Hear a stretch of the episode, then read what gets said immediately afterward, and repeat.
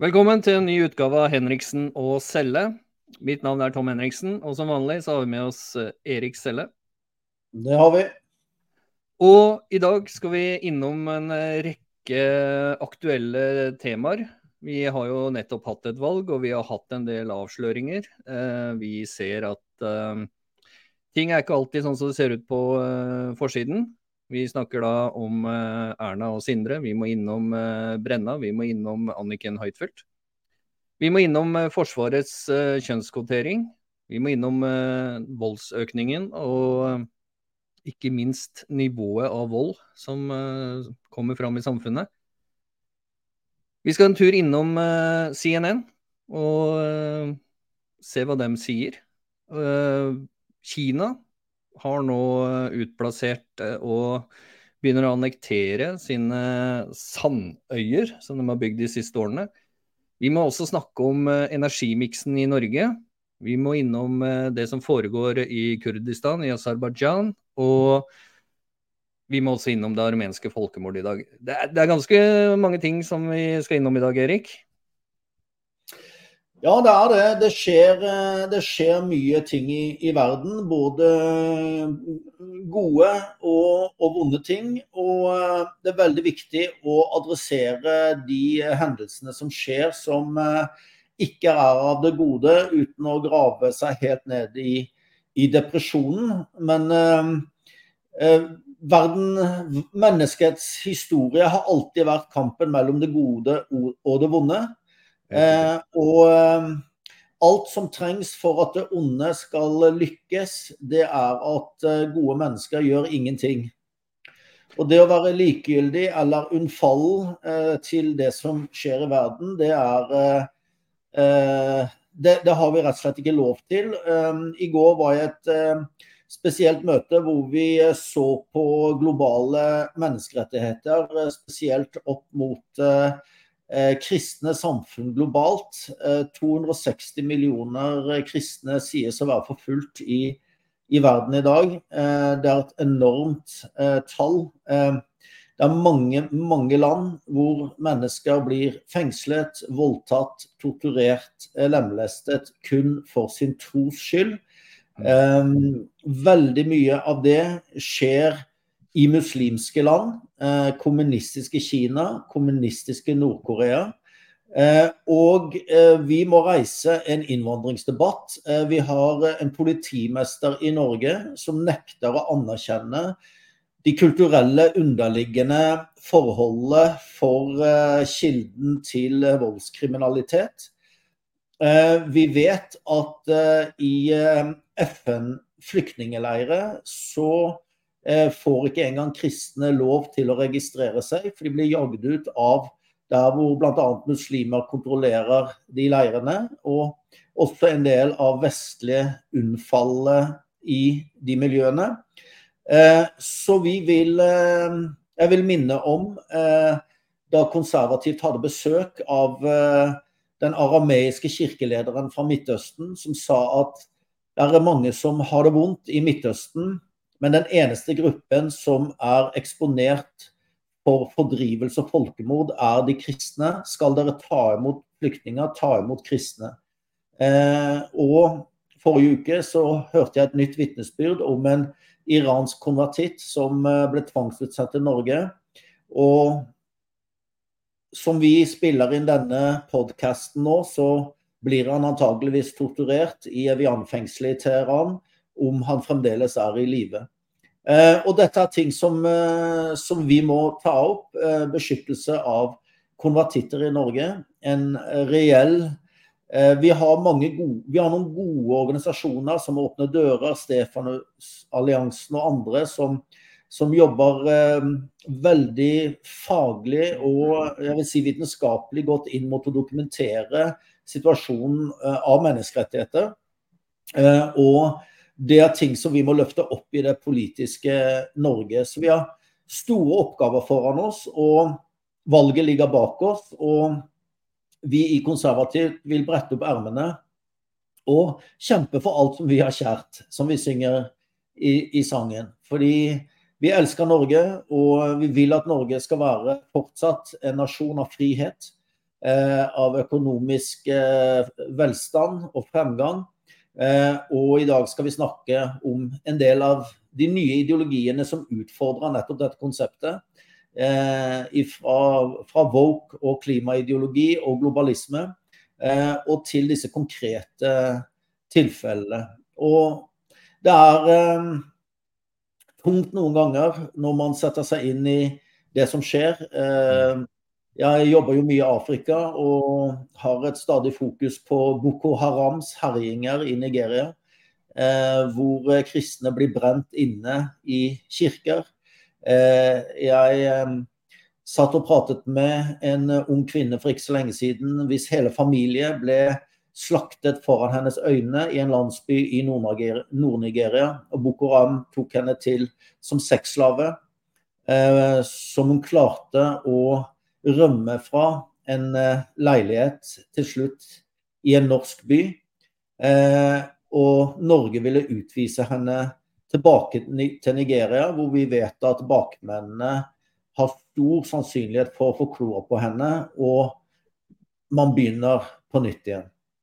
Så dette er saker som vi bruk, ønsker å bruke arbeidskraften vår på å løfte frem i offentligheten i Norge. Og derav er disse podkastene et redskap for å gjøre det. Og du som uh, lytter, du kan uh, støtte podkasten med å gå på konservativt.no og i nettbutikken vår kjøpe deg en uh, kaffekopp eller noe annet du måtte se at du kunne trenge, og være med og bidra til at vi også kan eksistere.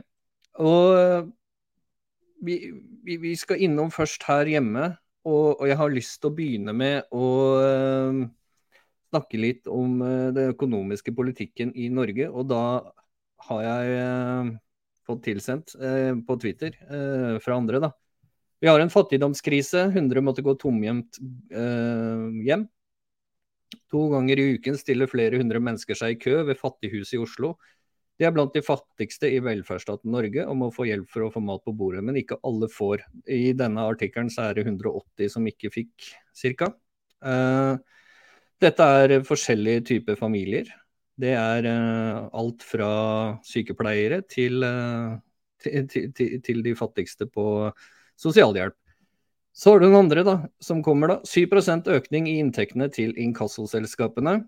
Eh, det har jo sin naturlige årsak. Det er eh, heving av bankrentene.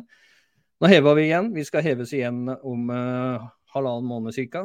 Skal vi enda litt opp. Vi har uh, samtidig med at innskuddsrenta ikke går opp i samme takt som renta.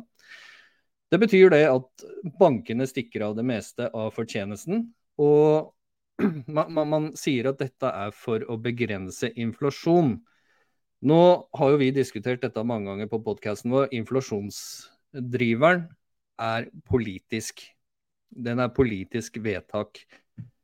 Når du øker mengden penger i samfunnet fra staten, og da må man huske på det er ikke statens penger, det er mine og dine skattepenger som dem er satt til å forvalte.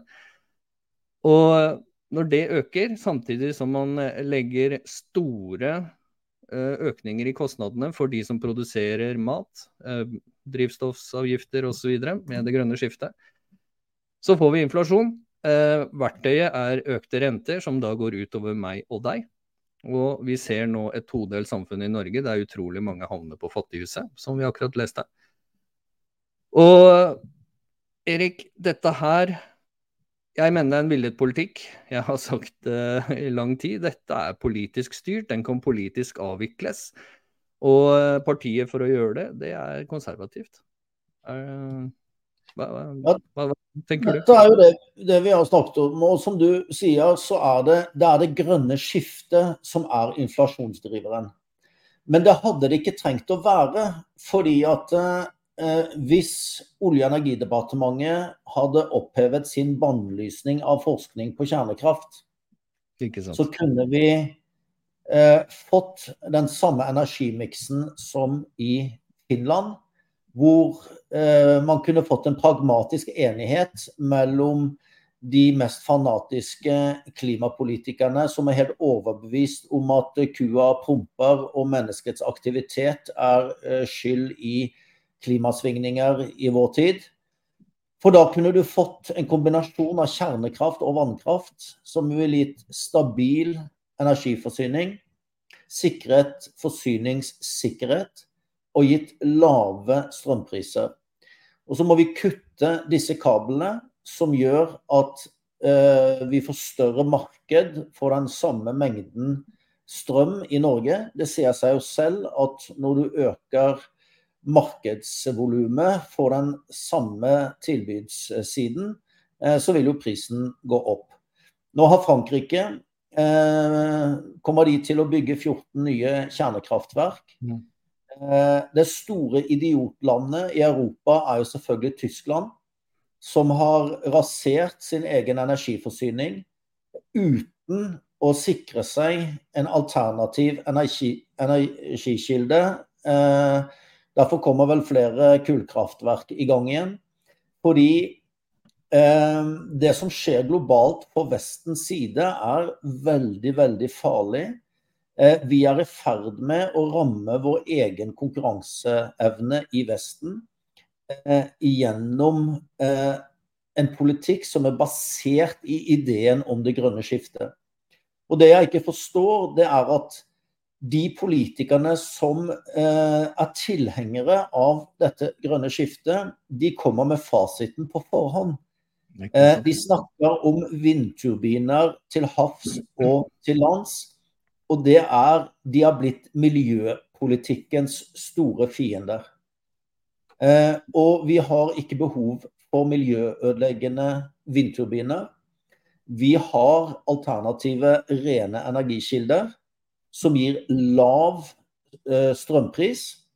Og da vil det ta knekken på inflasjonen, mens rentene de forsterker bare problemet, for det er ikke en etterspørselsbasert inflasjon.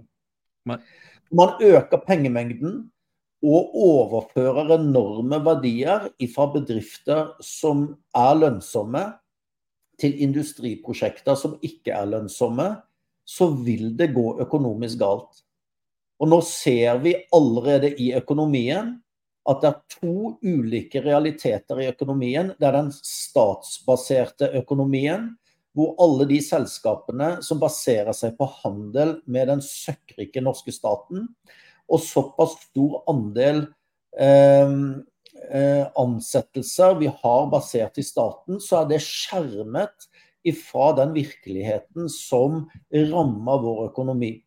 Og den, de som rammes nå, det er selvfølgelig eh, små og mellomstore bedrifter som er statsuavhengige bedrifter, og private husholdninger hvor eh, altså kostnadsbildet galopperer fra inntektssiden.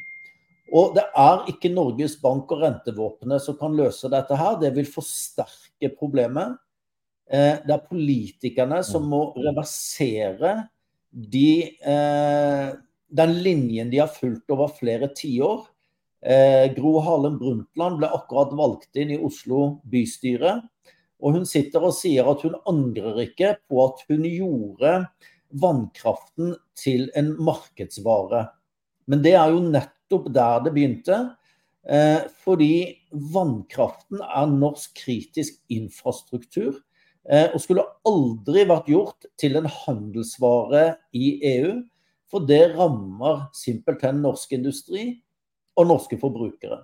Så denne inflasjonen er politisk skapt. Den opprettholdes av eh, problemene opprettholdes og forsterkes gjennom eh, rentevåpenet som nå brukes. Mm. Eh, og der er vi. Og så har vi da eh, nettopp hatt et valg hvor eh, man gikk fra Arbeiderpartiet til Høyre, grovt sett. Eh, og det er som å gå fra asken til ilden. Ja, altså De har jo samme politikken. Ja, det er en grunn til at Erna Solberg har sittet stille i båten i, siden uh, denne problematikken begynte. Fordi hun er eksponenten og faktisk arkitekten bak de konsekvensene vi ser. Mens Arbeiderpartiet sitter som utøveren, men de er enig i den samme politikken. Og jeg syns det var forbløffende å se hvor fort Espen Barth Eide måtte uh, backe i NRK Debatten. Uh, det var ikke mye Han begynte med klassisk hersketeknikk. At folk som var uenige med klimaidiotien hans, de mm. trodde at jorden var flat. Og når han ble avkledd med den type meningsløs hersketeknikk, så begynte han å henvise til at vi må gjøre det, for EU har bestemt det. Eh, så sitter han altså i World Economic Forum og er en av kjerneideologene bak den eh, politiske realitet vi sitter i i dag. Og det er opp til velgerne, faktisk, i 2025 og i det minste stemme inn eh, et parti som kan gi en reell utfordring, og i det minste en reell debatt det farligste i et beslutningsorgan er ekkokammer. Uansett om det er en bedriftsledelse, om det er i en eh, forsvarssituasjon eller om det er en politisk beslutningssegment. Et ekkokammer hvor ingen tør å være uenig, da er du garantert dårlige løsninger. Ikke sant. Eh, og jeg vil faktisk eh, oppfordre alle som hører på vår podkast, til å høre, gå på i-nyheter og høre podkasten mellom Helge Lurås og Elin Ørjasæter. Eh, for Elin Ørjasæter, som jo er en kjent samfunnsdebattant, hun legger faktisk åpent på bordet at det er nesten ingen som sitter med makt og myndighet eller i næringslivet andre som lenger tør å si det de faktisk mener. Fordi at det er represalier, og man mister kontrakter, eh, man eh, mister jobben eller andre ting. Det er realiteten i Norge i dag, og det er veldig, veldig skremmende og veldig, veldig farlig for nasjonens fremtid. Ja, du, du, du, ser i tillegg at alt av uh, nyhetsformidling blir strømlinjeforma. Du får uh, så å si nesten aldri en eneste uh, artikkel som er uenig med den første artikkelen som kom ut. Det, det, viser jo bare at media har mista sin hovedoppgave, da, å være vaktbikkja i samfunnet. Men, men, vi glemte å nevne grunnrenteskatten i Norge. Og dette her med at vannkraften fordi at akkurat nå så importerer vi tyske altså, kraftpriser pga. kablene. Alt vi produserer, sendes ut, og vi må kjøpe inn på børsen ute i Europa tilbake til oss. Og Tyskland er den drivende økonomiske kraften bak dette her. Da. Altså det er der de har størst behov. Dermed så sender vi ekstremt billig kraft ut og må kjøpe veldig dyrt tilbake. Og dette skulle liksom være lønnsomt for Norge. Altså Én ting er at dette er kritisk infrastruktur for Norge. Det andre er at dette er idiotisk økonomisk tankegang. Eh, hvis man tenker på at vi vil våre innbyggers beste, så, så, så henger ikke dette på greip på noe som helst økonomisk eh, tankemåte. Selv den villeste kommunistiske tankemåten uh, ville jeg ikke ha sagt at dette er uh, bærbar for framtida. Så igjen, vi har flere grep vi kan gjøre. Og det er ikke sånn at, at rente er den eneste virkemidlet vi har. Vi har salg av dollar for å veksle inn til norske kroner og omvendt. det er også avgjørende for hvilken kurs eh, norske krone har mot dollaren. Eh, ofte så måler vi verdien av krona vår mot dollaren. Det er også med på å drive inflasjonen oppover, også med å drive renta oppover. Så er det sånn at disse andre sentralbankene sitter og ser på Norge. Å ja, i USA så nærmer man seg vel 5,2 eh, rente på lån, og de er over 8% på 30-årsrenta. Og og, dette er bare internt i bankene, så legges det på i tillegg til det du får låne pengene til. Og når da Norge ikke henger med, så får vi et lite sånn eh, kritisk skriv at uh, du, for at ikke vi andre skal få problemer, så må dere henge med. Så det er ikke alltid vår egen skyld. Og så er det det at hvis man skal redusere en del ting, så går det utover en del mennesker i Norge. Og når vi vet at 65% i Norge så å si henter penger fra staten, så er det vanskelig å stemme imot at jeg skal miste jobben min, eller at jeg skal miste litt inntekt, eller at jeg skal bli omplassert til et annet departement eller en eller annen virksomhet uh, i det offentlige. Så, så, jeg forstår at velgerne syns dette er en uh, vanskelig posisjon å være i. Men på et eller annet tidspunkt så må du gjøre noe, for du kan ikke bo i et land der staten eier og styrer alt, samtidig som de skal avvikle inntektene som er olje og gass. Da bor du i praksis i Venezuela under kommunistisk styre. Det er det vi ønsker å advare mot, og sier at der har vi et alternativ politikk. Og Altså Skatte- og avgiftstrykket i Norge er jo da i tillegg til denne galskapens eh, energipolitikk. Eh, denne grunnrenteskatten den er jo selvfølgelig drepende for eh, produksjonsnivået i vannkraften. Altså vi, vi, eh, når vi trengte kraft, så har så har eh, storting og regjering lagt inn en mekanisme som gjør at vannkraften ikke utnytter det fulle potensialet når de kan. Fordi da blir kostnadsnivået til staten for høyt. Og så har du jo, har du jo dette enorme segmentet av ulike avgifter og skatter Eh, og da må vi jo bare henvise til Nancy, vår eminente folkevalgt, som fikk gjenvalg for øvrig. Eh, de var så fornøyd med Nancy i Vennesla at eh, vi fikk to mandat i Vennesla av velgerne i Vennesla. Og det er klart at når, de, eh, når transportsektoren er så avgiftsbelagt at de private firmaene må øke transportprisen, altså sluttprisen til kunde, så vil jo selvfølgelig produktet som kundene da selger ut til sluttbruker, eh, blir høyere.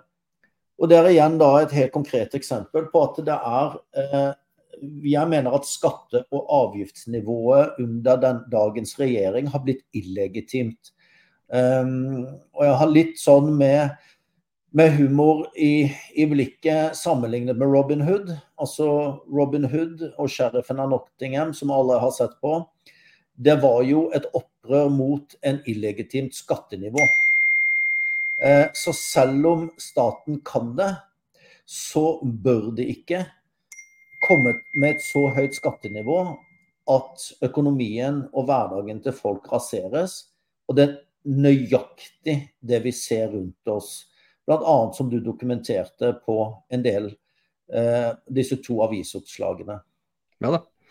Og for de av dere som er interessert i å finne Lurås og eh, Elin eh, Ørjasæter, så går du bare på YouTube, søker opp eh, i nyheter Helge Lurås.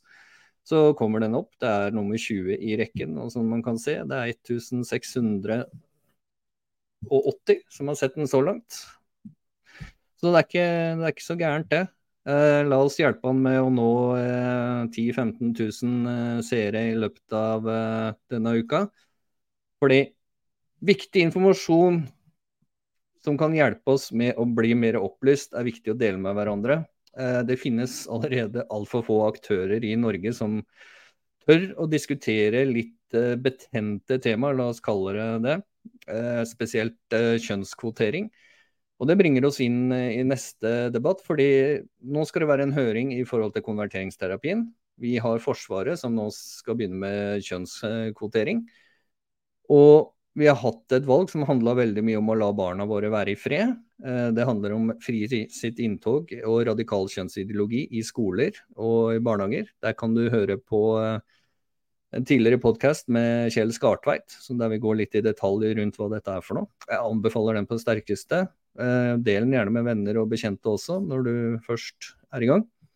Så Forsvaret, Erik.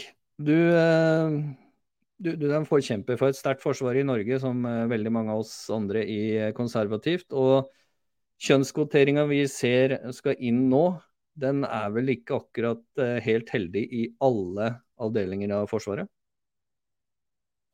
Nei, altså Jeg var på et veldig interessant eh, seminar eh, forrige mandag som eh, drøftet eh, da status i Forsvaret, også i lys av den geopolitiske situasjonen globalt. Og eh, Forsvarskommisjonen eh, kom jo da frem med sitt forslag tidligere i år. og ba om 30 milliarder umiddelbart til det norske forsvaret. Eh, vi ser jo, eh, senest i dag så hørte jeg at eh, Russland hadde brukt raketter mot Odessa i ganske brutal virkelighet. Og Vi er altså snart to år inne i en krig i Europa hvor vi ser artilleri- og rakettbasert krigføring som ødelegger sivil bolig, sivil infrastruktur, sivilt samfunn. Eh, og vi har altså politikere på Stortinget som, eh, som, ikke vet hvor de bor, og som utnevner personlige venner i styrer og verv, og som tildeler de penger, og som har ektefeller som surrer med det ene og det andre. Men vi har altså ikke fått en, Selv etter Forsvarskommisjonens fremleggelse, så har vi altså ikke fått eh, luftvern eh, rundt de store byene. Eh, det betyr at de store byene, infrastrukturen i Norge, står ubeskyttet fra artilleri og raketter. Eh, vi eh, har materialbehov. Vi gir så mye ammunisjon at Vesten begynner å gå tom for ammunisjon selv. Sivilforsvaret som umiddelbart kommer på banen når det brenner, eller eh, rørledninger sprekker, eller eh, bygninger går ned, eh, brannvesenet. Altså, det foreligger, så vidt jeg vet, overhodet ingen seriøse tiltak for å styrke det norske forsvaret og totalberedskapssituasjonen to år inn i en krig i Europa. Man neglisjerer Forsvarskommisjonen. og disse partiene Eh, stemmer man altså fortsatt på i lokalvalget. Eh, og Problemet er at velgerne risikerer å få det de ber om, hvis ikke de snart på en måte klarer å tenke utafor konsensus, eh, og ikke lav NRK og de store mediene hva skal jeg si, innsnevre feltet i den politiske konkurransen. Det er klart Dette vil vi gjerne har vært i NRK og sagt. Og bare gjør det klart at vi sitter på podkast fordi vi bruker alle de midler vi kan, alle de kanaler vi kan for å få ut et budskap om det vi mener er god eh, politikk for norsk fremtid. Og det er eh, Elin Ørjasæter i den podkasten vi nå har reklamert for, eh, forteller om sine opplevelser på næringslivsseminarer, hvor stort sett alle sier at Mangfold, flere kvinner, mangfold i næringslivets styre og ledelse er god økonomi. Men så sier at når lyset skrus av og mikrofonene skrus av, så sier alle at dette er bare tull. Det vet de. Og eh, de, de, vet faktisk Det er ingen vitenskapelig dokumentasjon på at mangfold gir bedre lønnsomhet i bedriftene. Eh, og når vi ser eh, hva krig er, i den skyttergravskrigen som er i ferd med å utspille seg i Øst-Ukraina, eh, så er det eh, fryktelig alvorlig at vi sitter i Norge og fremdeles gjør Forsvaret, som skal produsere kun én ting, kampkraft og krigsmentalitet, at det gjøres til en likestilling og mangfoldsarena for helt andre agendaer. Og når forsvarssjefen vår, som kommer fra spesialstyrkene, Eh, har satt en ny målsetning om 40 eh, kvinner i Forsvaret. Kjønnskvotering av kvinnelige offiserer. Og man var vel i 21 eller 22 ansatte ti mangfoldsoffiserer. Eh, så blir vi vel like godt forberedt til neste krig som det Polen var når tyskerne angrep i 39. De hadde fine hester, de hadde dyktige ryttere, men det gjaldt ingenting med den nye virkeligheten som de ble meid ned med. Ikke sant. Og vi er nødt til å ta tak i denne debatten, eh, men eh, det er forskjell på østrogen og testosteron eh, på mange måter. Det finnes to kjønn. Og jeg syns Elin Ørjasæter sa det godt. Vi må se forskjell på små og store tall. Eh, der er dyktige kvinner som, som, matcher det. De skal få lov til å tjenestegjøre, men i all hovedsak så er det biologiske forskjeller på menn og kvinner som spesielt gjenspeiler seg i en organisasjon som skal nettopp produsere eh, homogenitet og kampkraft. Eh, og jeg tror vel ingen i fullt alvor ville sende en ren kvinnelig bataljon inn i skyttergravene mot Russland i Ukraina. Eh, og Det er det som er virkeligheten, det er det som er utgangspunktet. og Derfor så sier jeg konservativt at vi vil ha tilbake verneplikten for menn. Og vi vil bygge opp Forsvaret. Vi vil kombinere eh, den stående eh, profesjonelle eh, forsvarskapasiteten med Heimevernet. Vi vil ha Heimevernet tilbake til 80 000 soldater. til en bedre organisering. Og så vil vi ha gjennomgående verneplikt og reservestyrker, slik at vi Og det gjør noe med befolkningens forhold til og forståelse av behovet for forsvarsevne og mm. deltakelse når en så liten del av befolkningen egentlig gjennomgår eh, førstegangstjeneste. Så vårt budskap er at eh, Forsvaret som en arena, en, en, prøveinstans for likestilling og mangfold, det må ta slutt med en gang. Man må kun fokusere på måloppnåelse, nemlig kampkraft og kampevne. Og Det betyr at som sagt, vi vil ha alle menn gjennom en førstegangstjeneste med overføring til Heimevernet og eh, reserver. Eh, også skal de kvinnene som vil, få lov til å konkurrere på like vilkår. Eh, og få lov til å tjenestegjøre eh, som, eh, som gutta. Det er en modell eh, som vil gi en bedre balanse, bedre kampkraft, bedre kampevne. og da da tror jeg faktisk at de som er enig i dette, og som, eh, som Helge Lurås sa i podkasten eh, Han vet at alle de som jobber nå i Forsvaret som eh, prater om dette likestilling, mangfoldskonseptet, de vet at det er feil. Men man tør ikke si det. Og Det er det som jeg oppfordrer alle til å høre den podkasten. For det som bekymrer meg aller mest i Norge akkurat nå, det er at illusjonen til Ytringsfrihetskommisjonen som ble lagt frem på Arendalsuka i fjor, at det er frie ytringer i Norge, det, det, er historie, det er ikke sant. Det er faktisk ikke sant. Nei, og du har, eh, I tillegg til dette, så, så, er jeg ganske klar på at jeg vil ha den som er best kvalifisert til å uh, gjøre jobben. Uh, skal jeg legge meg under kniven, så vil jeg ha den som er best kvalifisert, ikke den som er kvotert inn, uansett hvilken uh, radikal uh, kjønnsideologi du ønsker å legge til grunn for kvoteringen.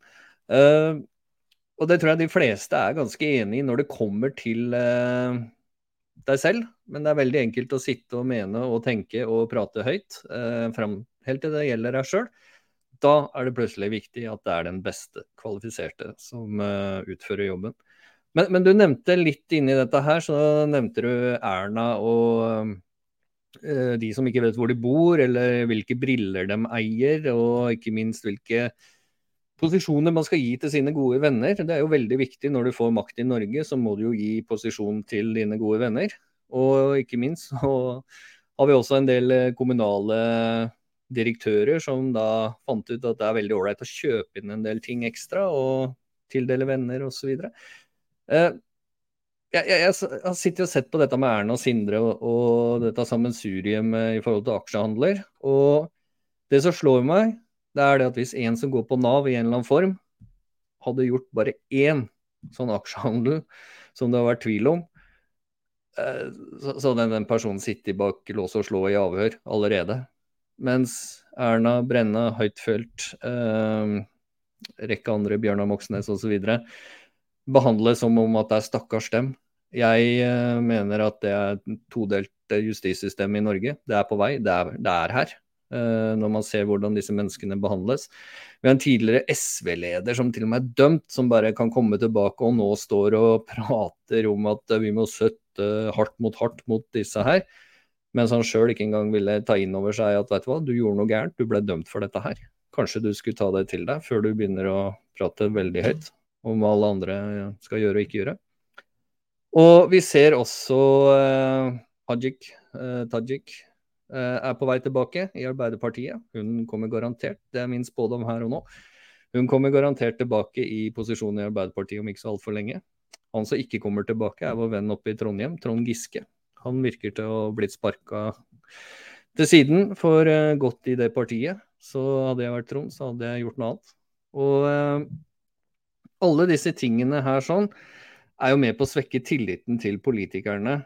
Og med en gang man begynner å svekke tilliten, så, så, så ser man jo også det at uh, politikerne bruker tøffere og tøffere midler for å kontrollere informasjonsstrømmen og kontrollere folket. Fordi det er vanskeligere og vanskeligere å gå ut i media og si nå trenger vi å gjøre det for å oppnå et eller annet mål. Og folk bare Nei, vet du hva, det gidder ikke å høre på det. Dette er en utrolig skummel vei å gå, for det er slik totalitære styrer begynner. Og når du da ikke klarer å se forskjell på Arbeiderparti, Høyre og Senterparti i makt, annet enn at du hører noen retoriske forskjeller, men de styrer totalt likt, og så sier man, eh, som Barth Eide sier, vi må gjøre som EU befaler. Da er vi allerede ganske langt ned av veien til å ikke være en selvstendig nasjon, og det er noe av grunnlaget for at man skal ha en vellykka stat. Det er nemlig at man er en egen nasjon der folket bestemmer, og ikke en liten del av befolkninga. Dette skremmer meg. Jeg vet ikke med deg, Erik. Jeg har ikke noe sans for denne todelte biten. da. Men klart, alle fakta skal på bordet før osv. Man er skyldig inntil man blir uskyldig inntil man blir dømt.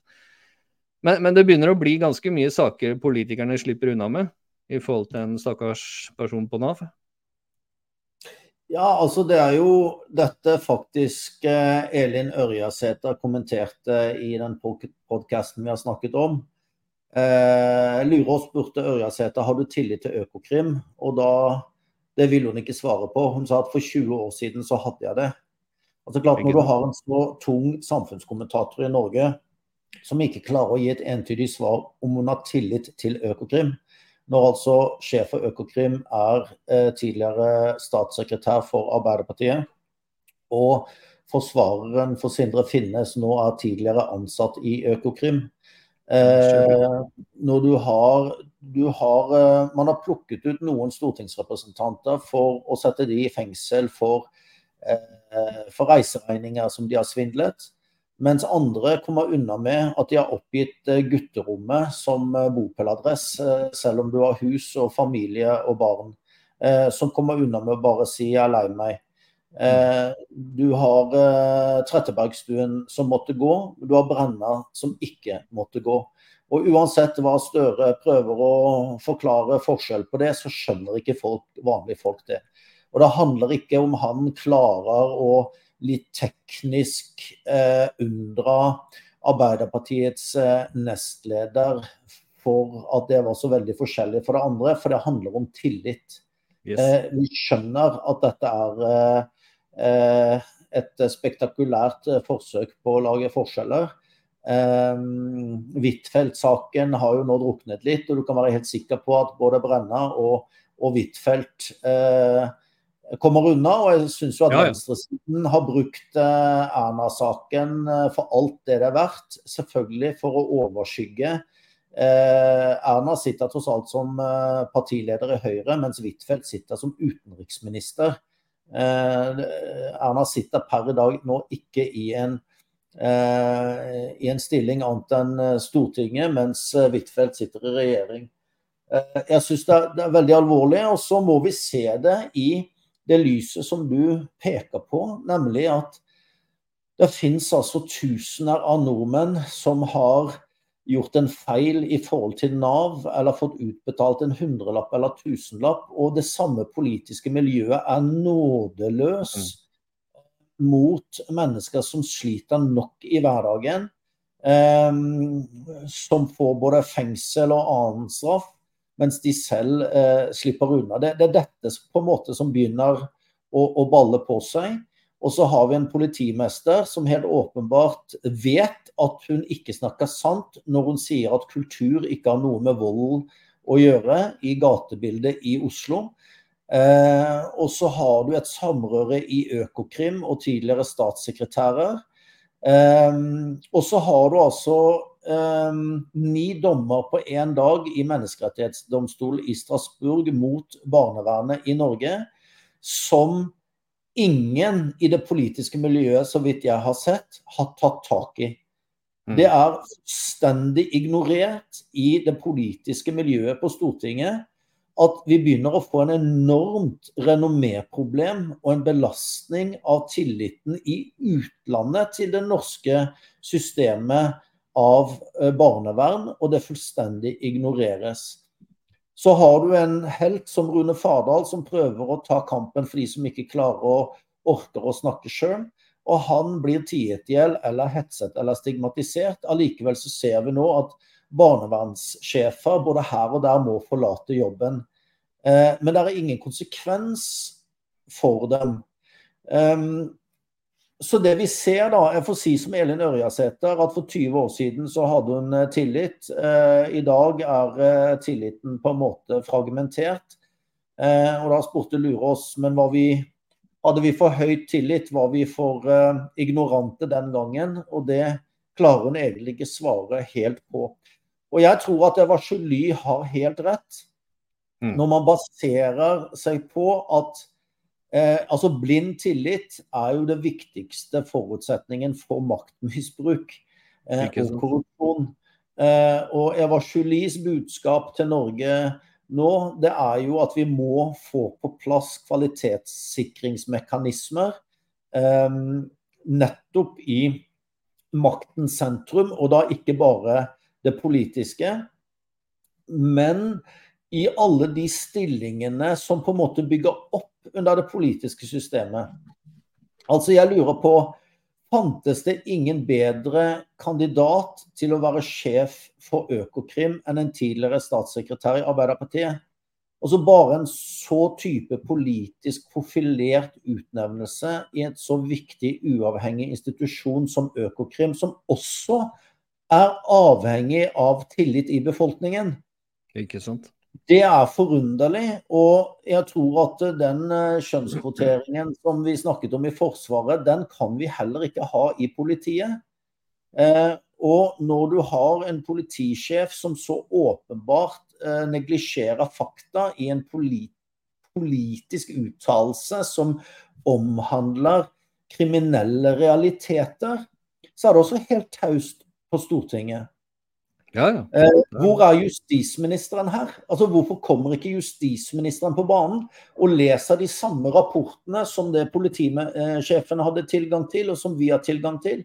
Det er jo bare til å gå på gata i Oslo, det er jo bare til å gå tilbake til Hanne Kristin Rode og se på hennes tall om overfallsvoldtekter i Norge for 10 og 15 år siden. Dette burde jo vært tatt tak i for lenge siden. Ehm, og vi leser i dag om 150 kristne svenske ledere som samles i hemmelighet pga. trusler fra islamister i Sverige. Ehm, så det er klart at jeg tror vi er inne i en, i, i en fase i, i, norsk demokrati hvor vi alle må slå ring om demokratiet. Ehm, og da må vi rydde opp i disse tingene. Og da er vi tilbake til eh, valget. At det er velgerne som bestemmer hvem som skal lede landet. Og velgerne vil få det de ber om. Eh, men nå hadde vi altså Jeg sitter med ti valglokaler hvor konservativt og andre partiers valgsedler ikke var ute. Eh, vi krevde omvalg i Balsfjord. Og det er da de samme menneskene som er ansvarlig for gjennomføringen av valget i Balsfjord, som, ut, eh, som sitter i valgstyret, som regnevasker seg selv. Ikke sant. Eh, så dette er jo bukken og havresekken. Valgstyret i Balsfjord. Vi manglet ni stemmer. Da hadde vi tatt det fra Arbeiderpartiet. Vi hadde fem flere stemmer på fylket enn eh, i kommunen fordi fylkeslappene lå ute. Vi hadde tre som sa at de stemte blankt eller stemte et annet parti for våre lister var ikke. Så vi kan dokumentere åtte konservative stemmer, i hvert fall. Eh, og så sier valgstyret, ledet av Arbeiderpartiets ordførere, at eh, dette hadde ikke noe påvirkning på valget. Nå ligger den saken i departementet, men det er klart vi kan ikke akseptere dette her. Nei. Og Det betyr ett tiltak for høyere tillit. Vi er kommet dit, tror jeg, i i demokratiets historie i Norge at uh, i 2025 så vil vi kreve internasjonale valgobservatører uh, ved norske valg. Ja, altså på et eller annet vis så må man ha noe uavhengige som er inne og ser på hvordan gjennomføres ting. Og, og du, du, nevner også litt, litt, tilbake til volden og alt dette her. men uh, det er en høring eh, som eh, vi, eh, vi, har tidligere Har du fått lov å delta på høring om konverteringsterapien? Hva var svaret denne gangen? Altså, jeg var på høringen for utvidelsen av likestilling og diskrimineringslovgivningen, som la mm. da selvfølgelig grunnlaget for denne hatparagrafen. Eh, og, og, det som er problemet med likestilling og diskrimineringsloven, det er jo at folk er livredde for hva man sier om enkelte kategorier i landet fordi man blir møtt med anklager om hatretorikk. Mens andre grupper får altså utskjelninger og, og, hat uten at vi er beskyttet av loven på samme måte. Og Det var jo det som var vår innsigelse mot uh, denne likestillingen og diskrimineringsloven, som Kjell Magne Bondevik og KrF introduserte i sin tid. At vi har fått et lovverk hvor ikke alle borgere er lik for loven lenger.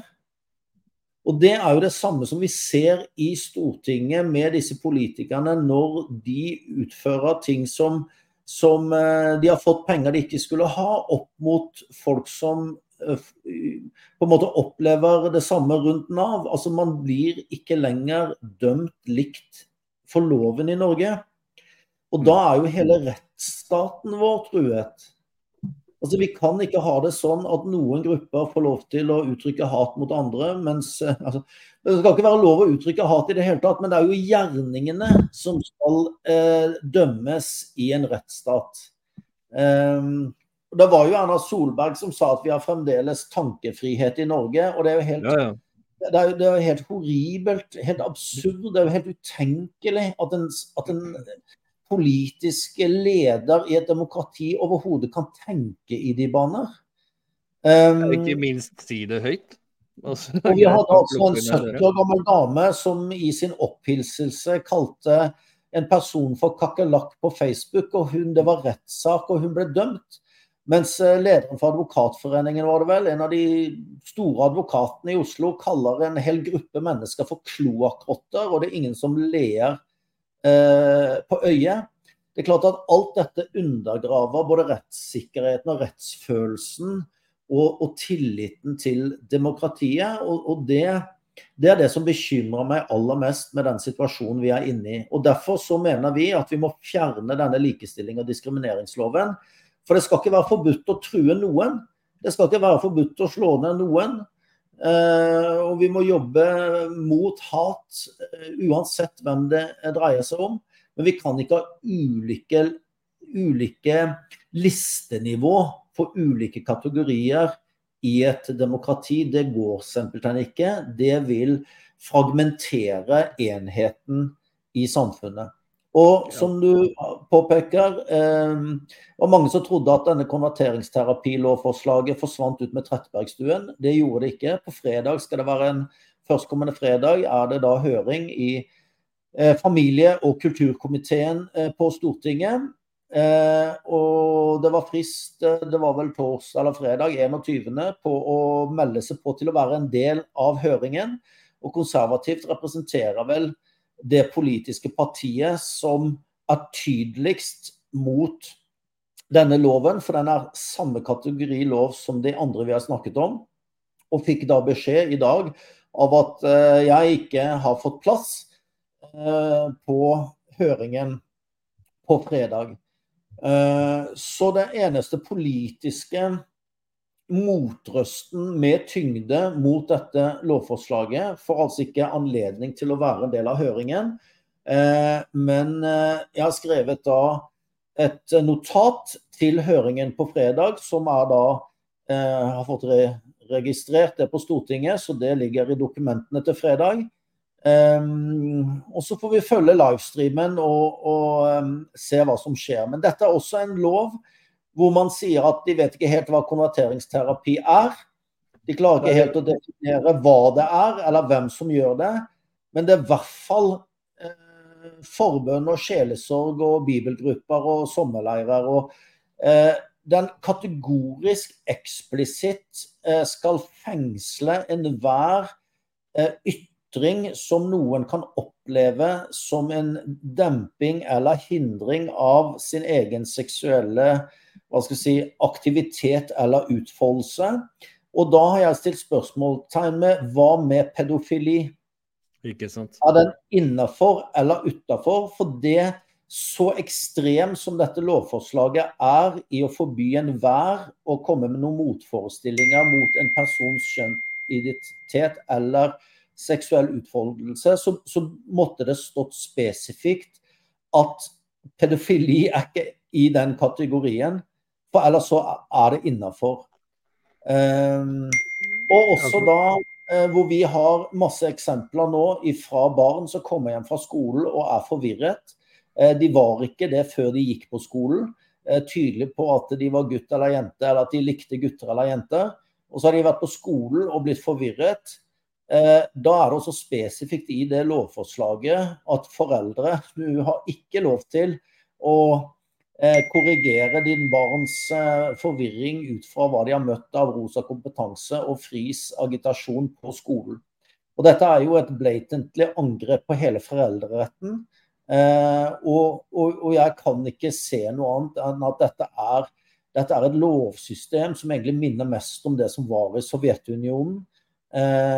hvor foreldre var totalt fratatt foreldreretten. Altså statens barn? Hvor det er statens barn, ja.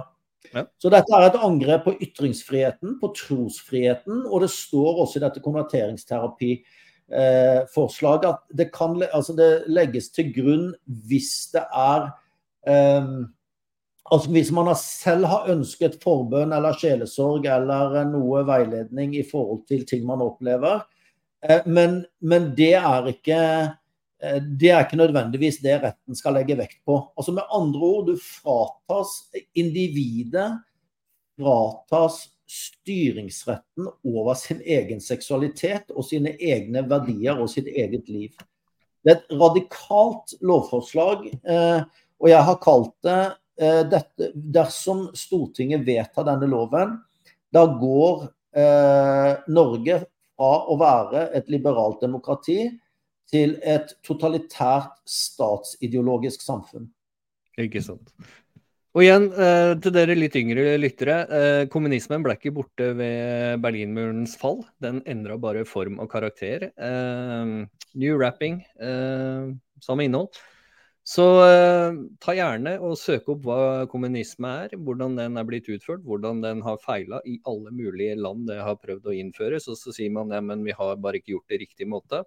Nå viser det seg at vi har testa dette i 10-15-20 land, og det er fortsatt ikke funnet opp kruttet. Så la oss beholde det som fungerer. Det er faktisk et demokrati basert på den kristne verdiforståelse. Og med det så skal vi gi eh, litt debatt. Det er på tide å få opp uh, temperaturen. Og da må vi jo så klart se til USA. Vi må innom uh, CNN, som da er toppen av politisk korrekthet i verden. Og vi skal til Secretary of Defense, Lloyd Austin. han sier at sier til reportere at etter en tur til Ukrainas kapital, eh, hovedstad, i Kyiv han, Vi ønsker å se uh, Russland svek, svekket. Altså ja, rett og slett uh, miste økonomi, miste våpenkraft, miste alt som måtte ha betydning. Ja. til den grad at de ikke kan operere slik de har gjort, og ikke er i stand til å gjøre noe lignende igjen uh, som uh, invasjon i Ukraina. Og uh, det er vel en litt annen vinkling på hvorfor man fortsetter å pøse billioner av dollar inn i Ukraina, i tillegg til Uh, Jens gikk jo også ut og nevnte noe om uh, hva som skjedde i 2014. I 2021 at Nato takka nei til en avtale med Russland i forhold til utvidelse av Nato og den type ting.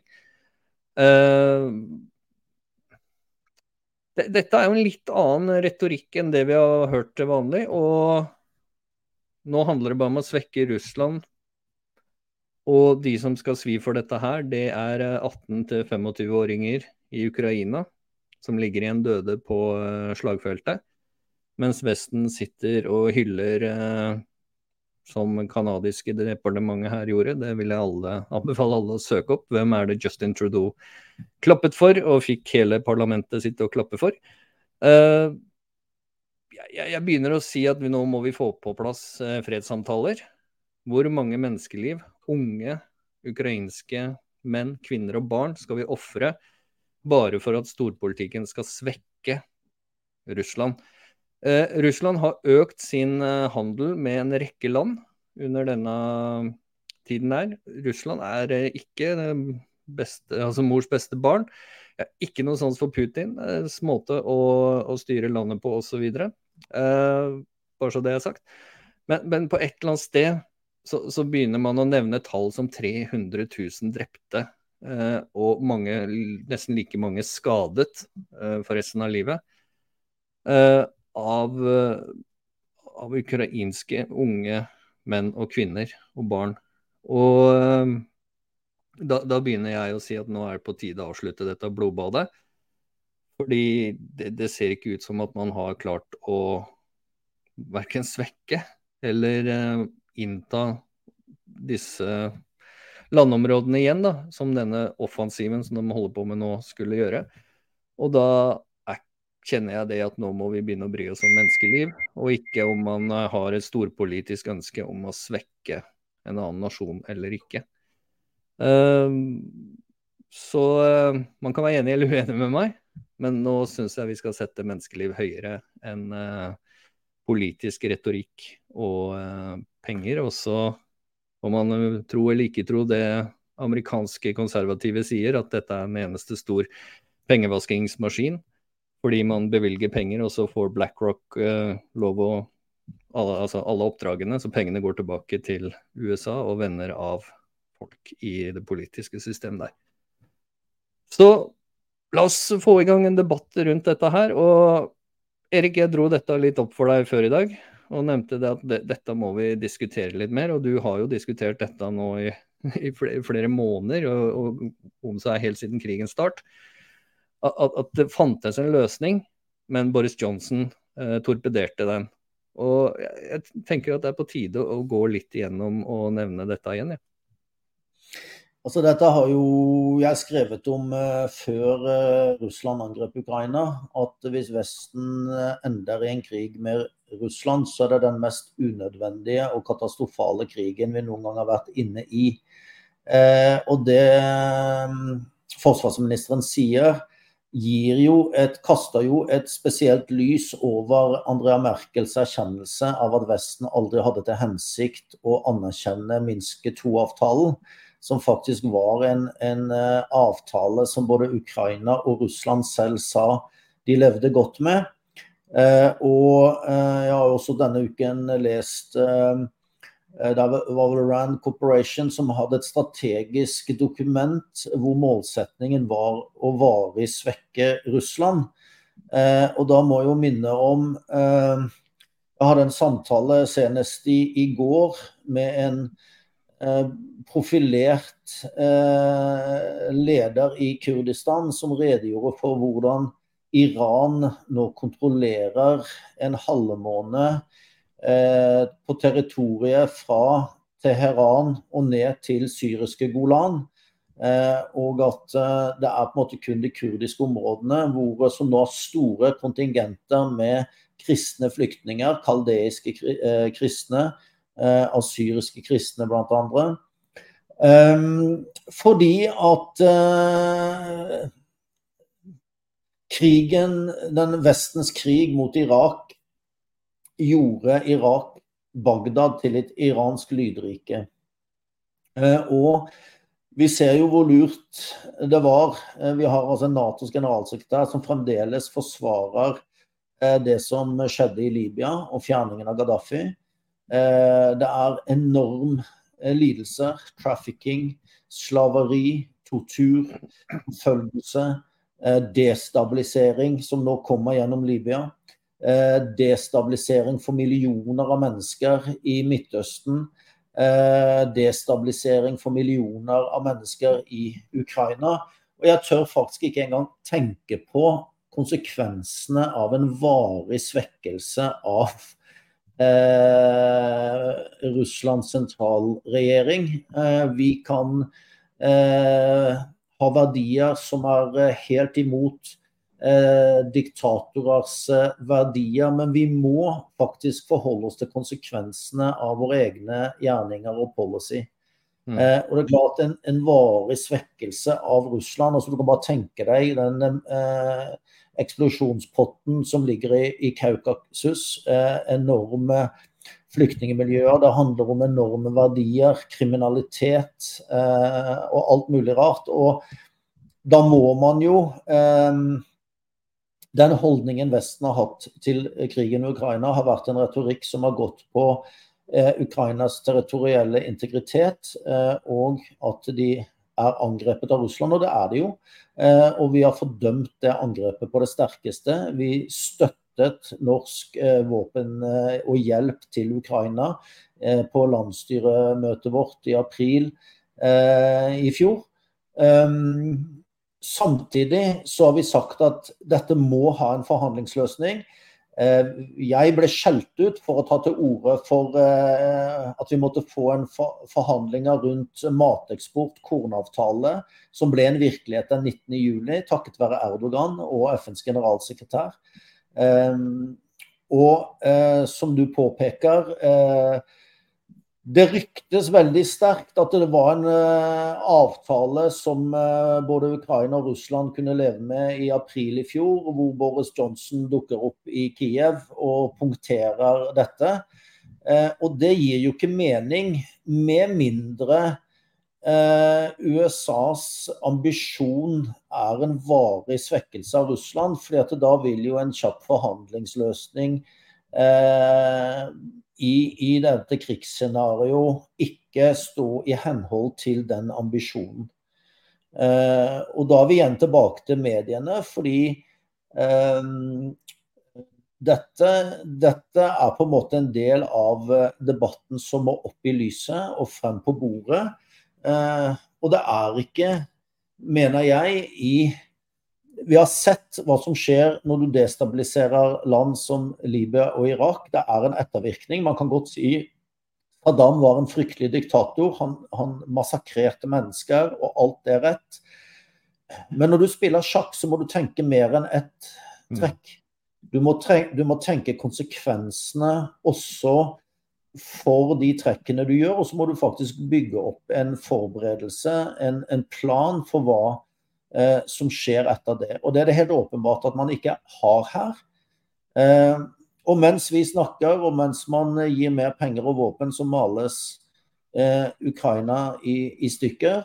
Og eh, Vesten kunne vært mer konstruktiv bidragsyter i forhold til å faktisk få en avtale på bordet. I utgangspunktet så skulle jo Donbas eh, vi, vi, har et eksempel i Irak etter krigen der hvor eh, kurdiske selvstyremyndigheter har hva skal si, en autonom selvstyre under Bagdad. Og det lå jo i Minsk-avtalen. Så jeg har aldri skjønt hvorfor Vesten ikke ville oppfylle Minsk-avtalen. For den Ukraina som et nøytralt land på det punktet. Eh, hvor man ikke spilte Nato inn i bakgården på Russland. Man hadde en Minsk-avtale som man eh, ville etterleve. Eh, det er vanskeligere og vanskeligere å snakke om forhandlinger jo lenger du kommer ut i en sånn krig. For det blir mer og mer smerte, mer og mer bitterhet, mer og mer tap. Men eh, om det er FN, eller om det er Tyrkia, eller om det er noen som kunne si at uh, vi prøver dette i alle andre konflikter og si la oss få en våpentilstand og en fredskonferanse. Bare et eller annet sted å begynne. Uh, Kina har prøvd seg, en gruppe afrikanske land har prøvd seg. Um, og det er på tide at Vesten også kommer opp med et, et forslag som ikke bare går på en endeløs krig. For hva er sluttresultatet? Hva er målet? Er det eh, Hadde det vært eh, å frigjøre hva skal jeg si, at Krim og Donbas skal tilbake til ukrainsk suverenitet, så hadde ikke forsvarsministeren i USA sagt at varig svekkelse av Russland var en ambisjon. Eh, og da kan jo folk Det er helt sikkert noen nå som skriver et leserinnlegg om oss og denne podkasten snart, men jeg utfordrer dem kom opp med din egen eh, plan. Kom opp med et alternativ som vi kan diskutere. Og kom opp og fortell meg hvorfor du ikke reiser ned til Ukraina når du mener det er greit at uh, alle andre blir drept. Så skal jeg ta deg seriøst. Jeg har ingen sans for folk som sitter og argumenterer for at alle andre skal gå ut i en meningsløs eh, Sånn som det er i dag. Det er en meningsløs uh, artilleristorm mot de halvtrente nye ukra ukrainske soldatene. Uh, seks uker trening før å bli sendt inn i en uh, krigsområde der russerne har gravd seg ned. De har skytter og de har enormt med slagkraft, eh, spesielt eh, i de områdene de har okkupert. Hvorfor i alle dager skal man fortsette å si at man skal ofre menneskeliv? Hvis man sjøl ikke er villig til å gjøre det. Um, igjen, uh, dette er med å se det store bildet. Én ting er også at vi ser en koalisjon mellom Russland og Kina, Russland og en del andre land. Uh, så, så man, man ser BRICS bli uh, til. Og, og, og, vi skal innom alt dette her senere. Vi, vi, dette, her, dette, er svære ting som vi må snakke om igjen og igjen og igjen og ta litt og litt og litt. Så vi skal komme tilbake til det, så ikke disse podkastene blir så lange. Men vi, vi, ser Kina også begynner å, å, bevege seg litt. Grann. Vi kan gå litt mer gjennom det neste gang. Uh, vi skal også dra litt mer om eh, kjernekraft. Uh, uh, i energimiksen. Vi snakka litt før i dag om det, men jeg har lyst til at vi skal ta det en gang senere også på en podkast. Aserbajdsjan, som en siste avslutning før vi uh, må gi oss. Uh, det er på tide å anerkjenne det armenske folkemordet, fordi det er nesten som vi ser en repetisjon av det som skjedde. Altså, det er ikke fullt så alvorlig, men Aserbajdsjan har jo uh, kjørt en blitskrig mot uh, Nagorno-Karabakh, uh, som de kaller det, eller Artsak, som armenerne kaller det. Det er et en område som Det er en liten korridor mellom nabolandet Armenia og Aserbajdsjan, også da fra sørsiden opp nord. Det er en, kan du si en, en, en klave der, når du ser det på kartet, hvor det bor bare stort sett armenere. Eh, der har de Aserbajdsjan på en måte sultet ut over eh, tid. Eh, og nå hadde de en, en effektfull blitskrig mot Artsak. De har bl.a. hatt god nytte av tyrkiske droner. Russiske fredsstyrker har gjort ingenting. Eh, og nå eh, meldes det at armenere flytter ut av Artsak og inn i sentrale Armenia. Eh, fordi at de har ikke tillit til eh, aserbajdsjanske myndigheters eh, hva skal jeg si eh, lovnader om at de skal bli behandlet ordentlig. Eh, og dette er eh, ganske bekymringsfullt. Og igjen så ser vi et selektivt Vesten av hvem man bryr seg om situasjonen til. Vi begynte dette programmet med millioner av kristne som blir grovt forfulgt i verden i dag og drept for sin tros skyld. Eh, og eh, Vesten er taus. Mm. Eh, og vi kunne sett på menneskerettighetssituasjonen i langt større grad i Iran, i Saudi-Arabia, i Nord-Korea, konsentrasjonsleirer i, i, i Kina. Så dette er på en måte en del av dette bildet. Og det er rart at Vesten har vært så unnfallende, at verden globalt har vært så unnfallende å anerkjenne det armenske folkemordet. Jeg vil oppfordre alle våre lyttere og seere til å rett og slett google det armenske folkemordet. Gå inn og se på det vel av dokumentasjon av de grusomhetene som eh, armenerne ble utsatt for av uh, ottomanerne uh, den gangen. Og vi må begynne med en anerkjennelse av det armenske folkemordet. Og så må faktisk, mener jeg, FN og det internasjonale samfunn gå inn og sikre armenernes rettigheter i, i Artsak. Eh, Aserbajdsjan er en uh, viktig spiller. Mye olje. Eh, Norge er involvert der. Israel er faktisk involvert der. Eh, men eh, vi mener at eh, et menneske er et menneske uansett hvem som lider. Og vi blir ikke med på disse forutinntatte holdningene av hvem man skal tie i hjel, og hvem man skal highlighte eh, så sterkt at det utløser reaksjoner. Vi må ha noen grunnleggende menneskerettighetstanker i, i bånn. Og her mener jeg at tausheten rundt det som skjer i Artsak, den har vært øredøvende. Eh, spesielt i Vesten. Og det er jo drømmen, at velgerne skal gi oss tillit til å komme inn på Stortinget i 2025.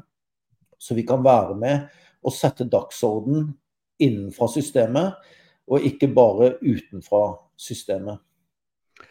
Og det lar vi være siste ord i dag. Takk for at dere hørte på oss. Takk for at dere deler. Takk for at dere liker. Takk for at dere engasjerer dere. Og meld dere inn i partiet Konservativt. Innmelding at konservativt.no, og på gjensyn.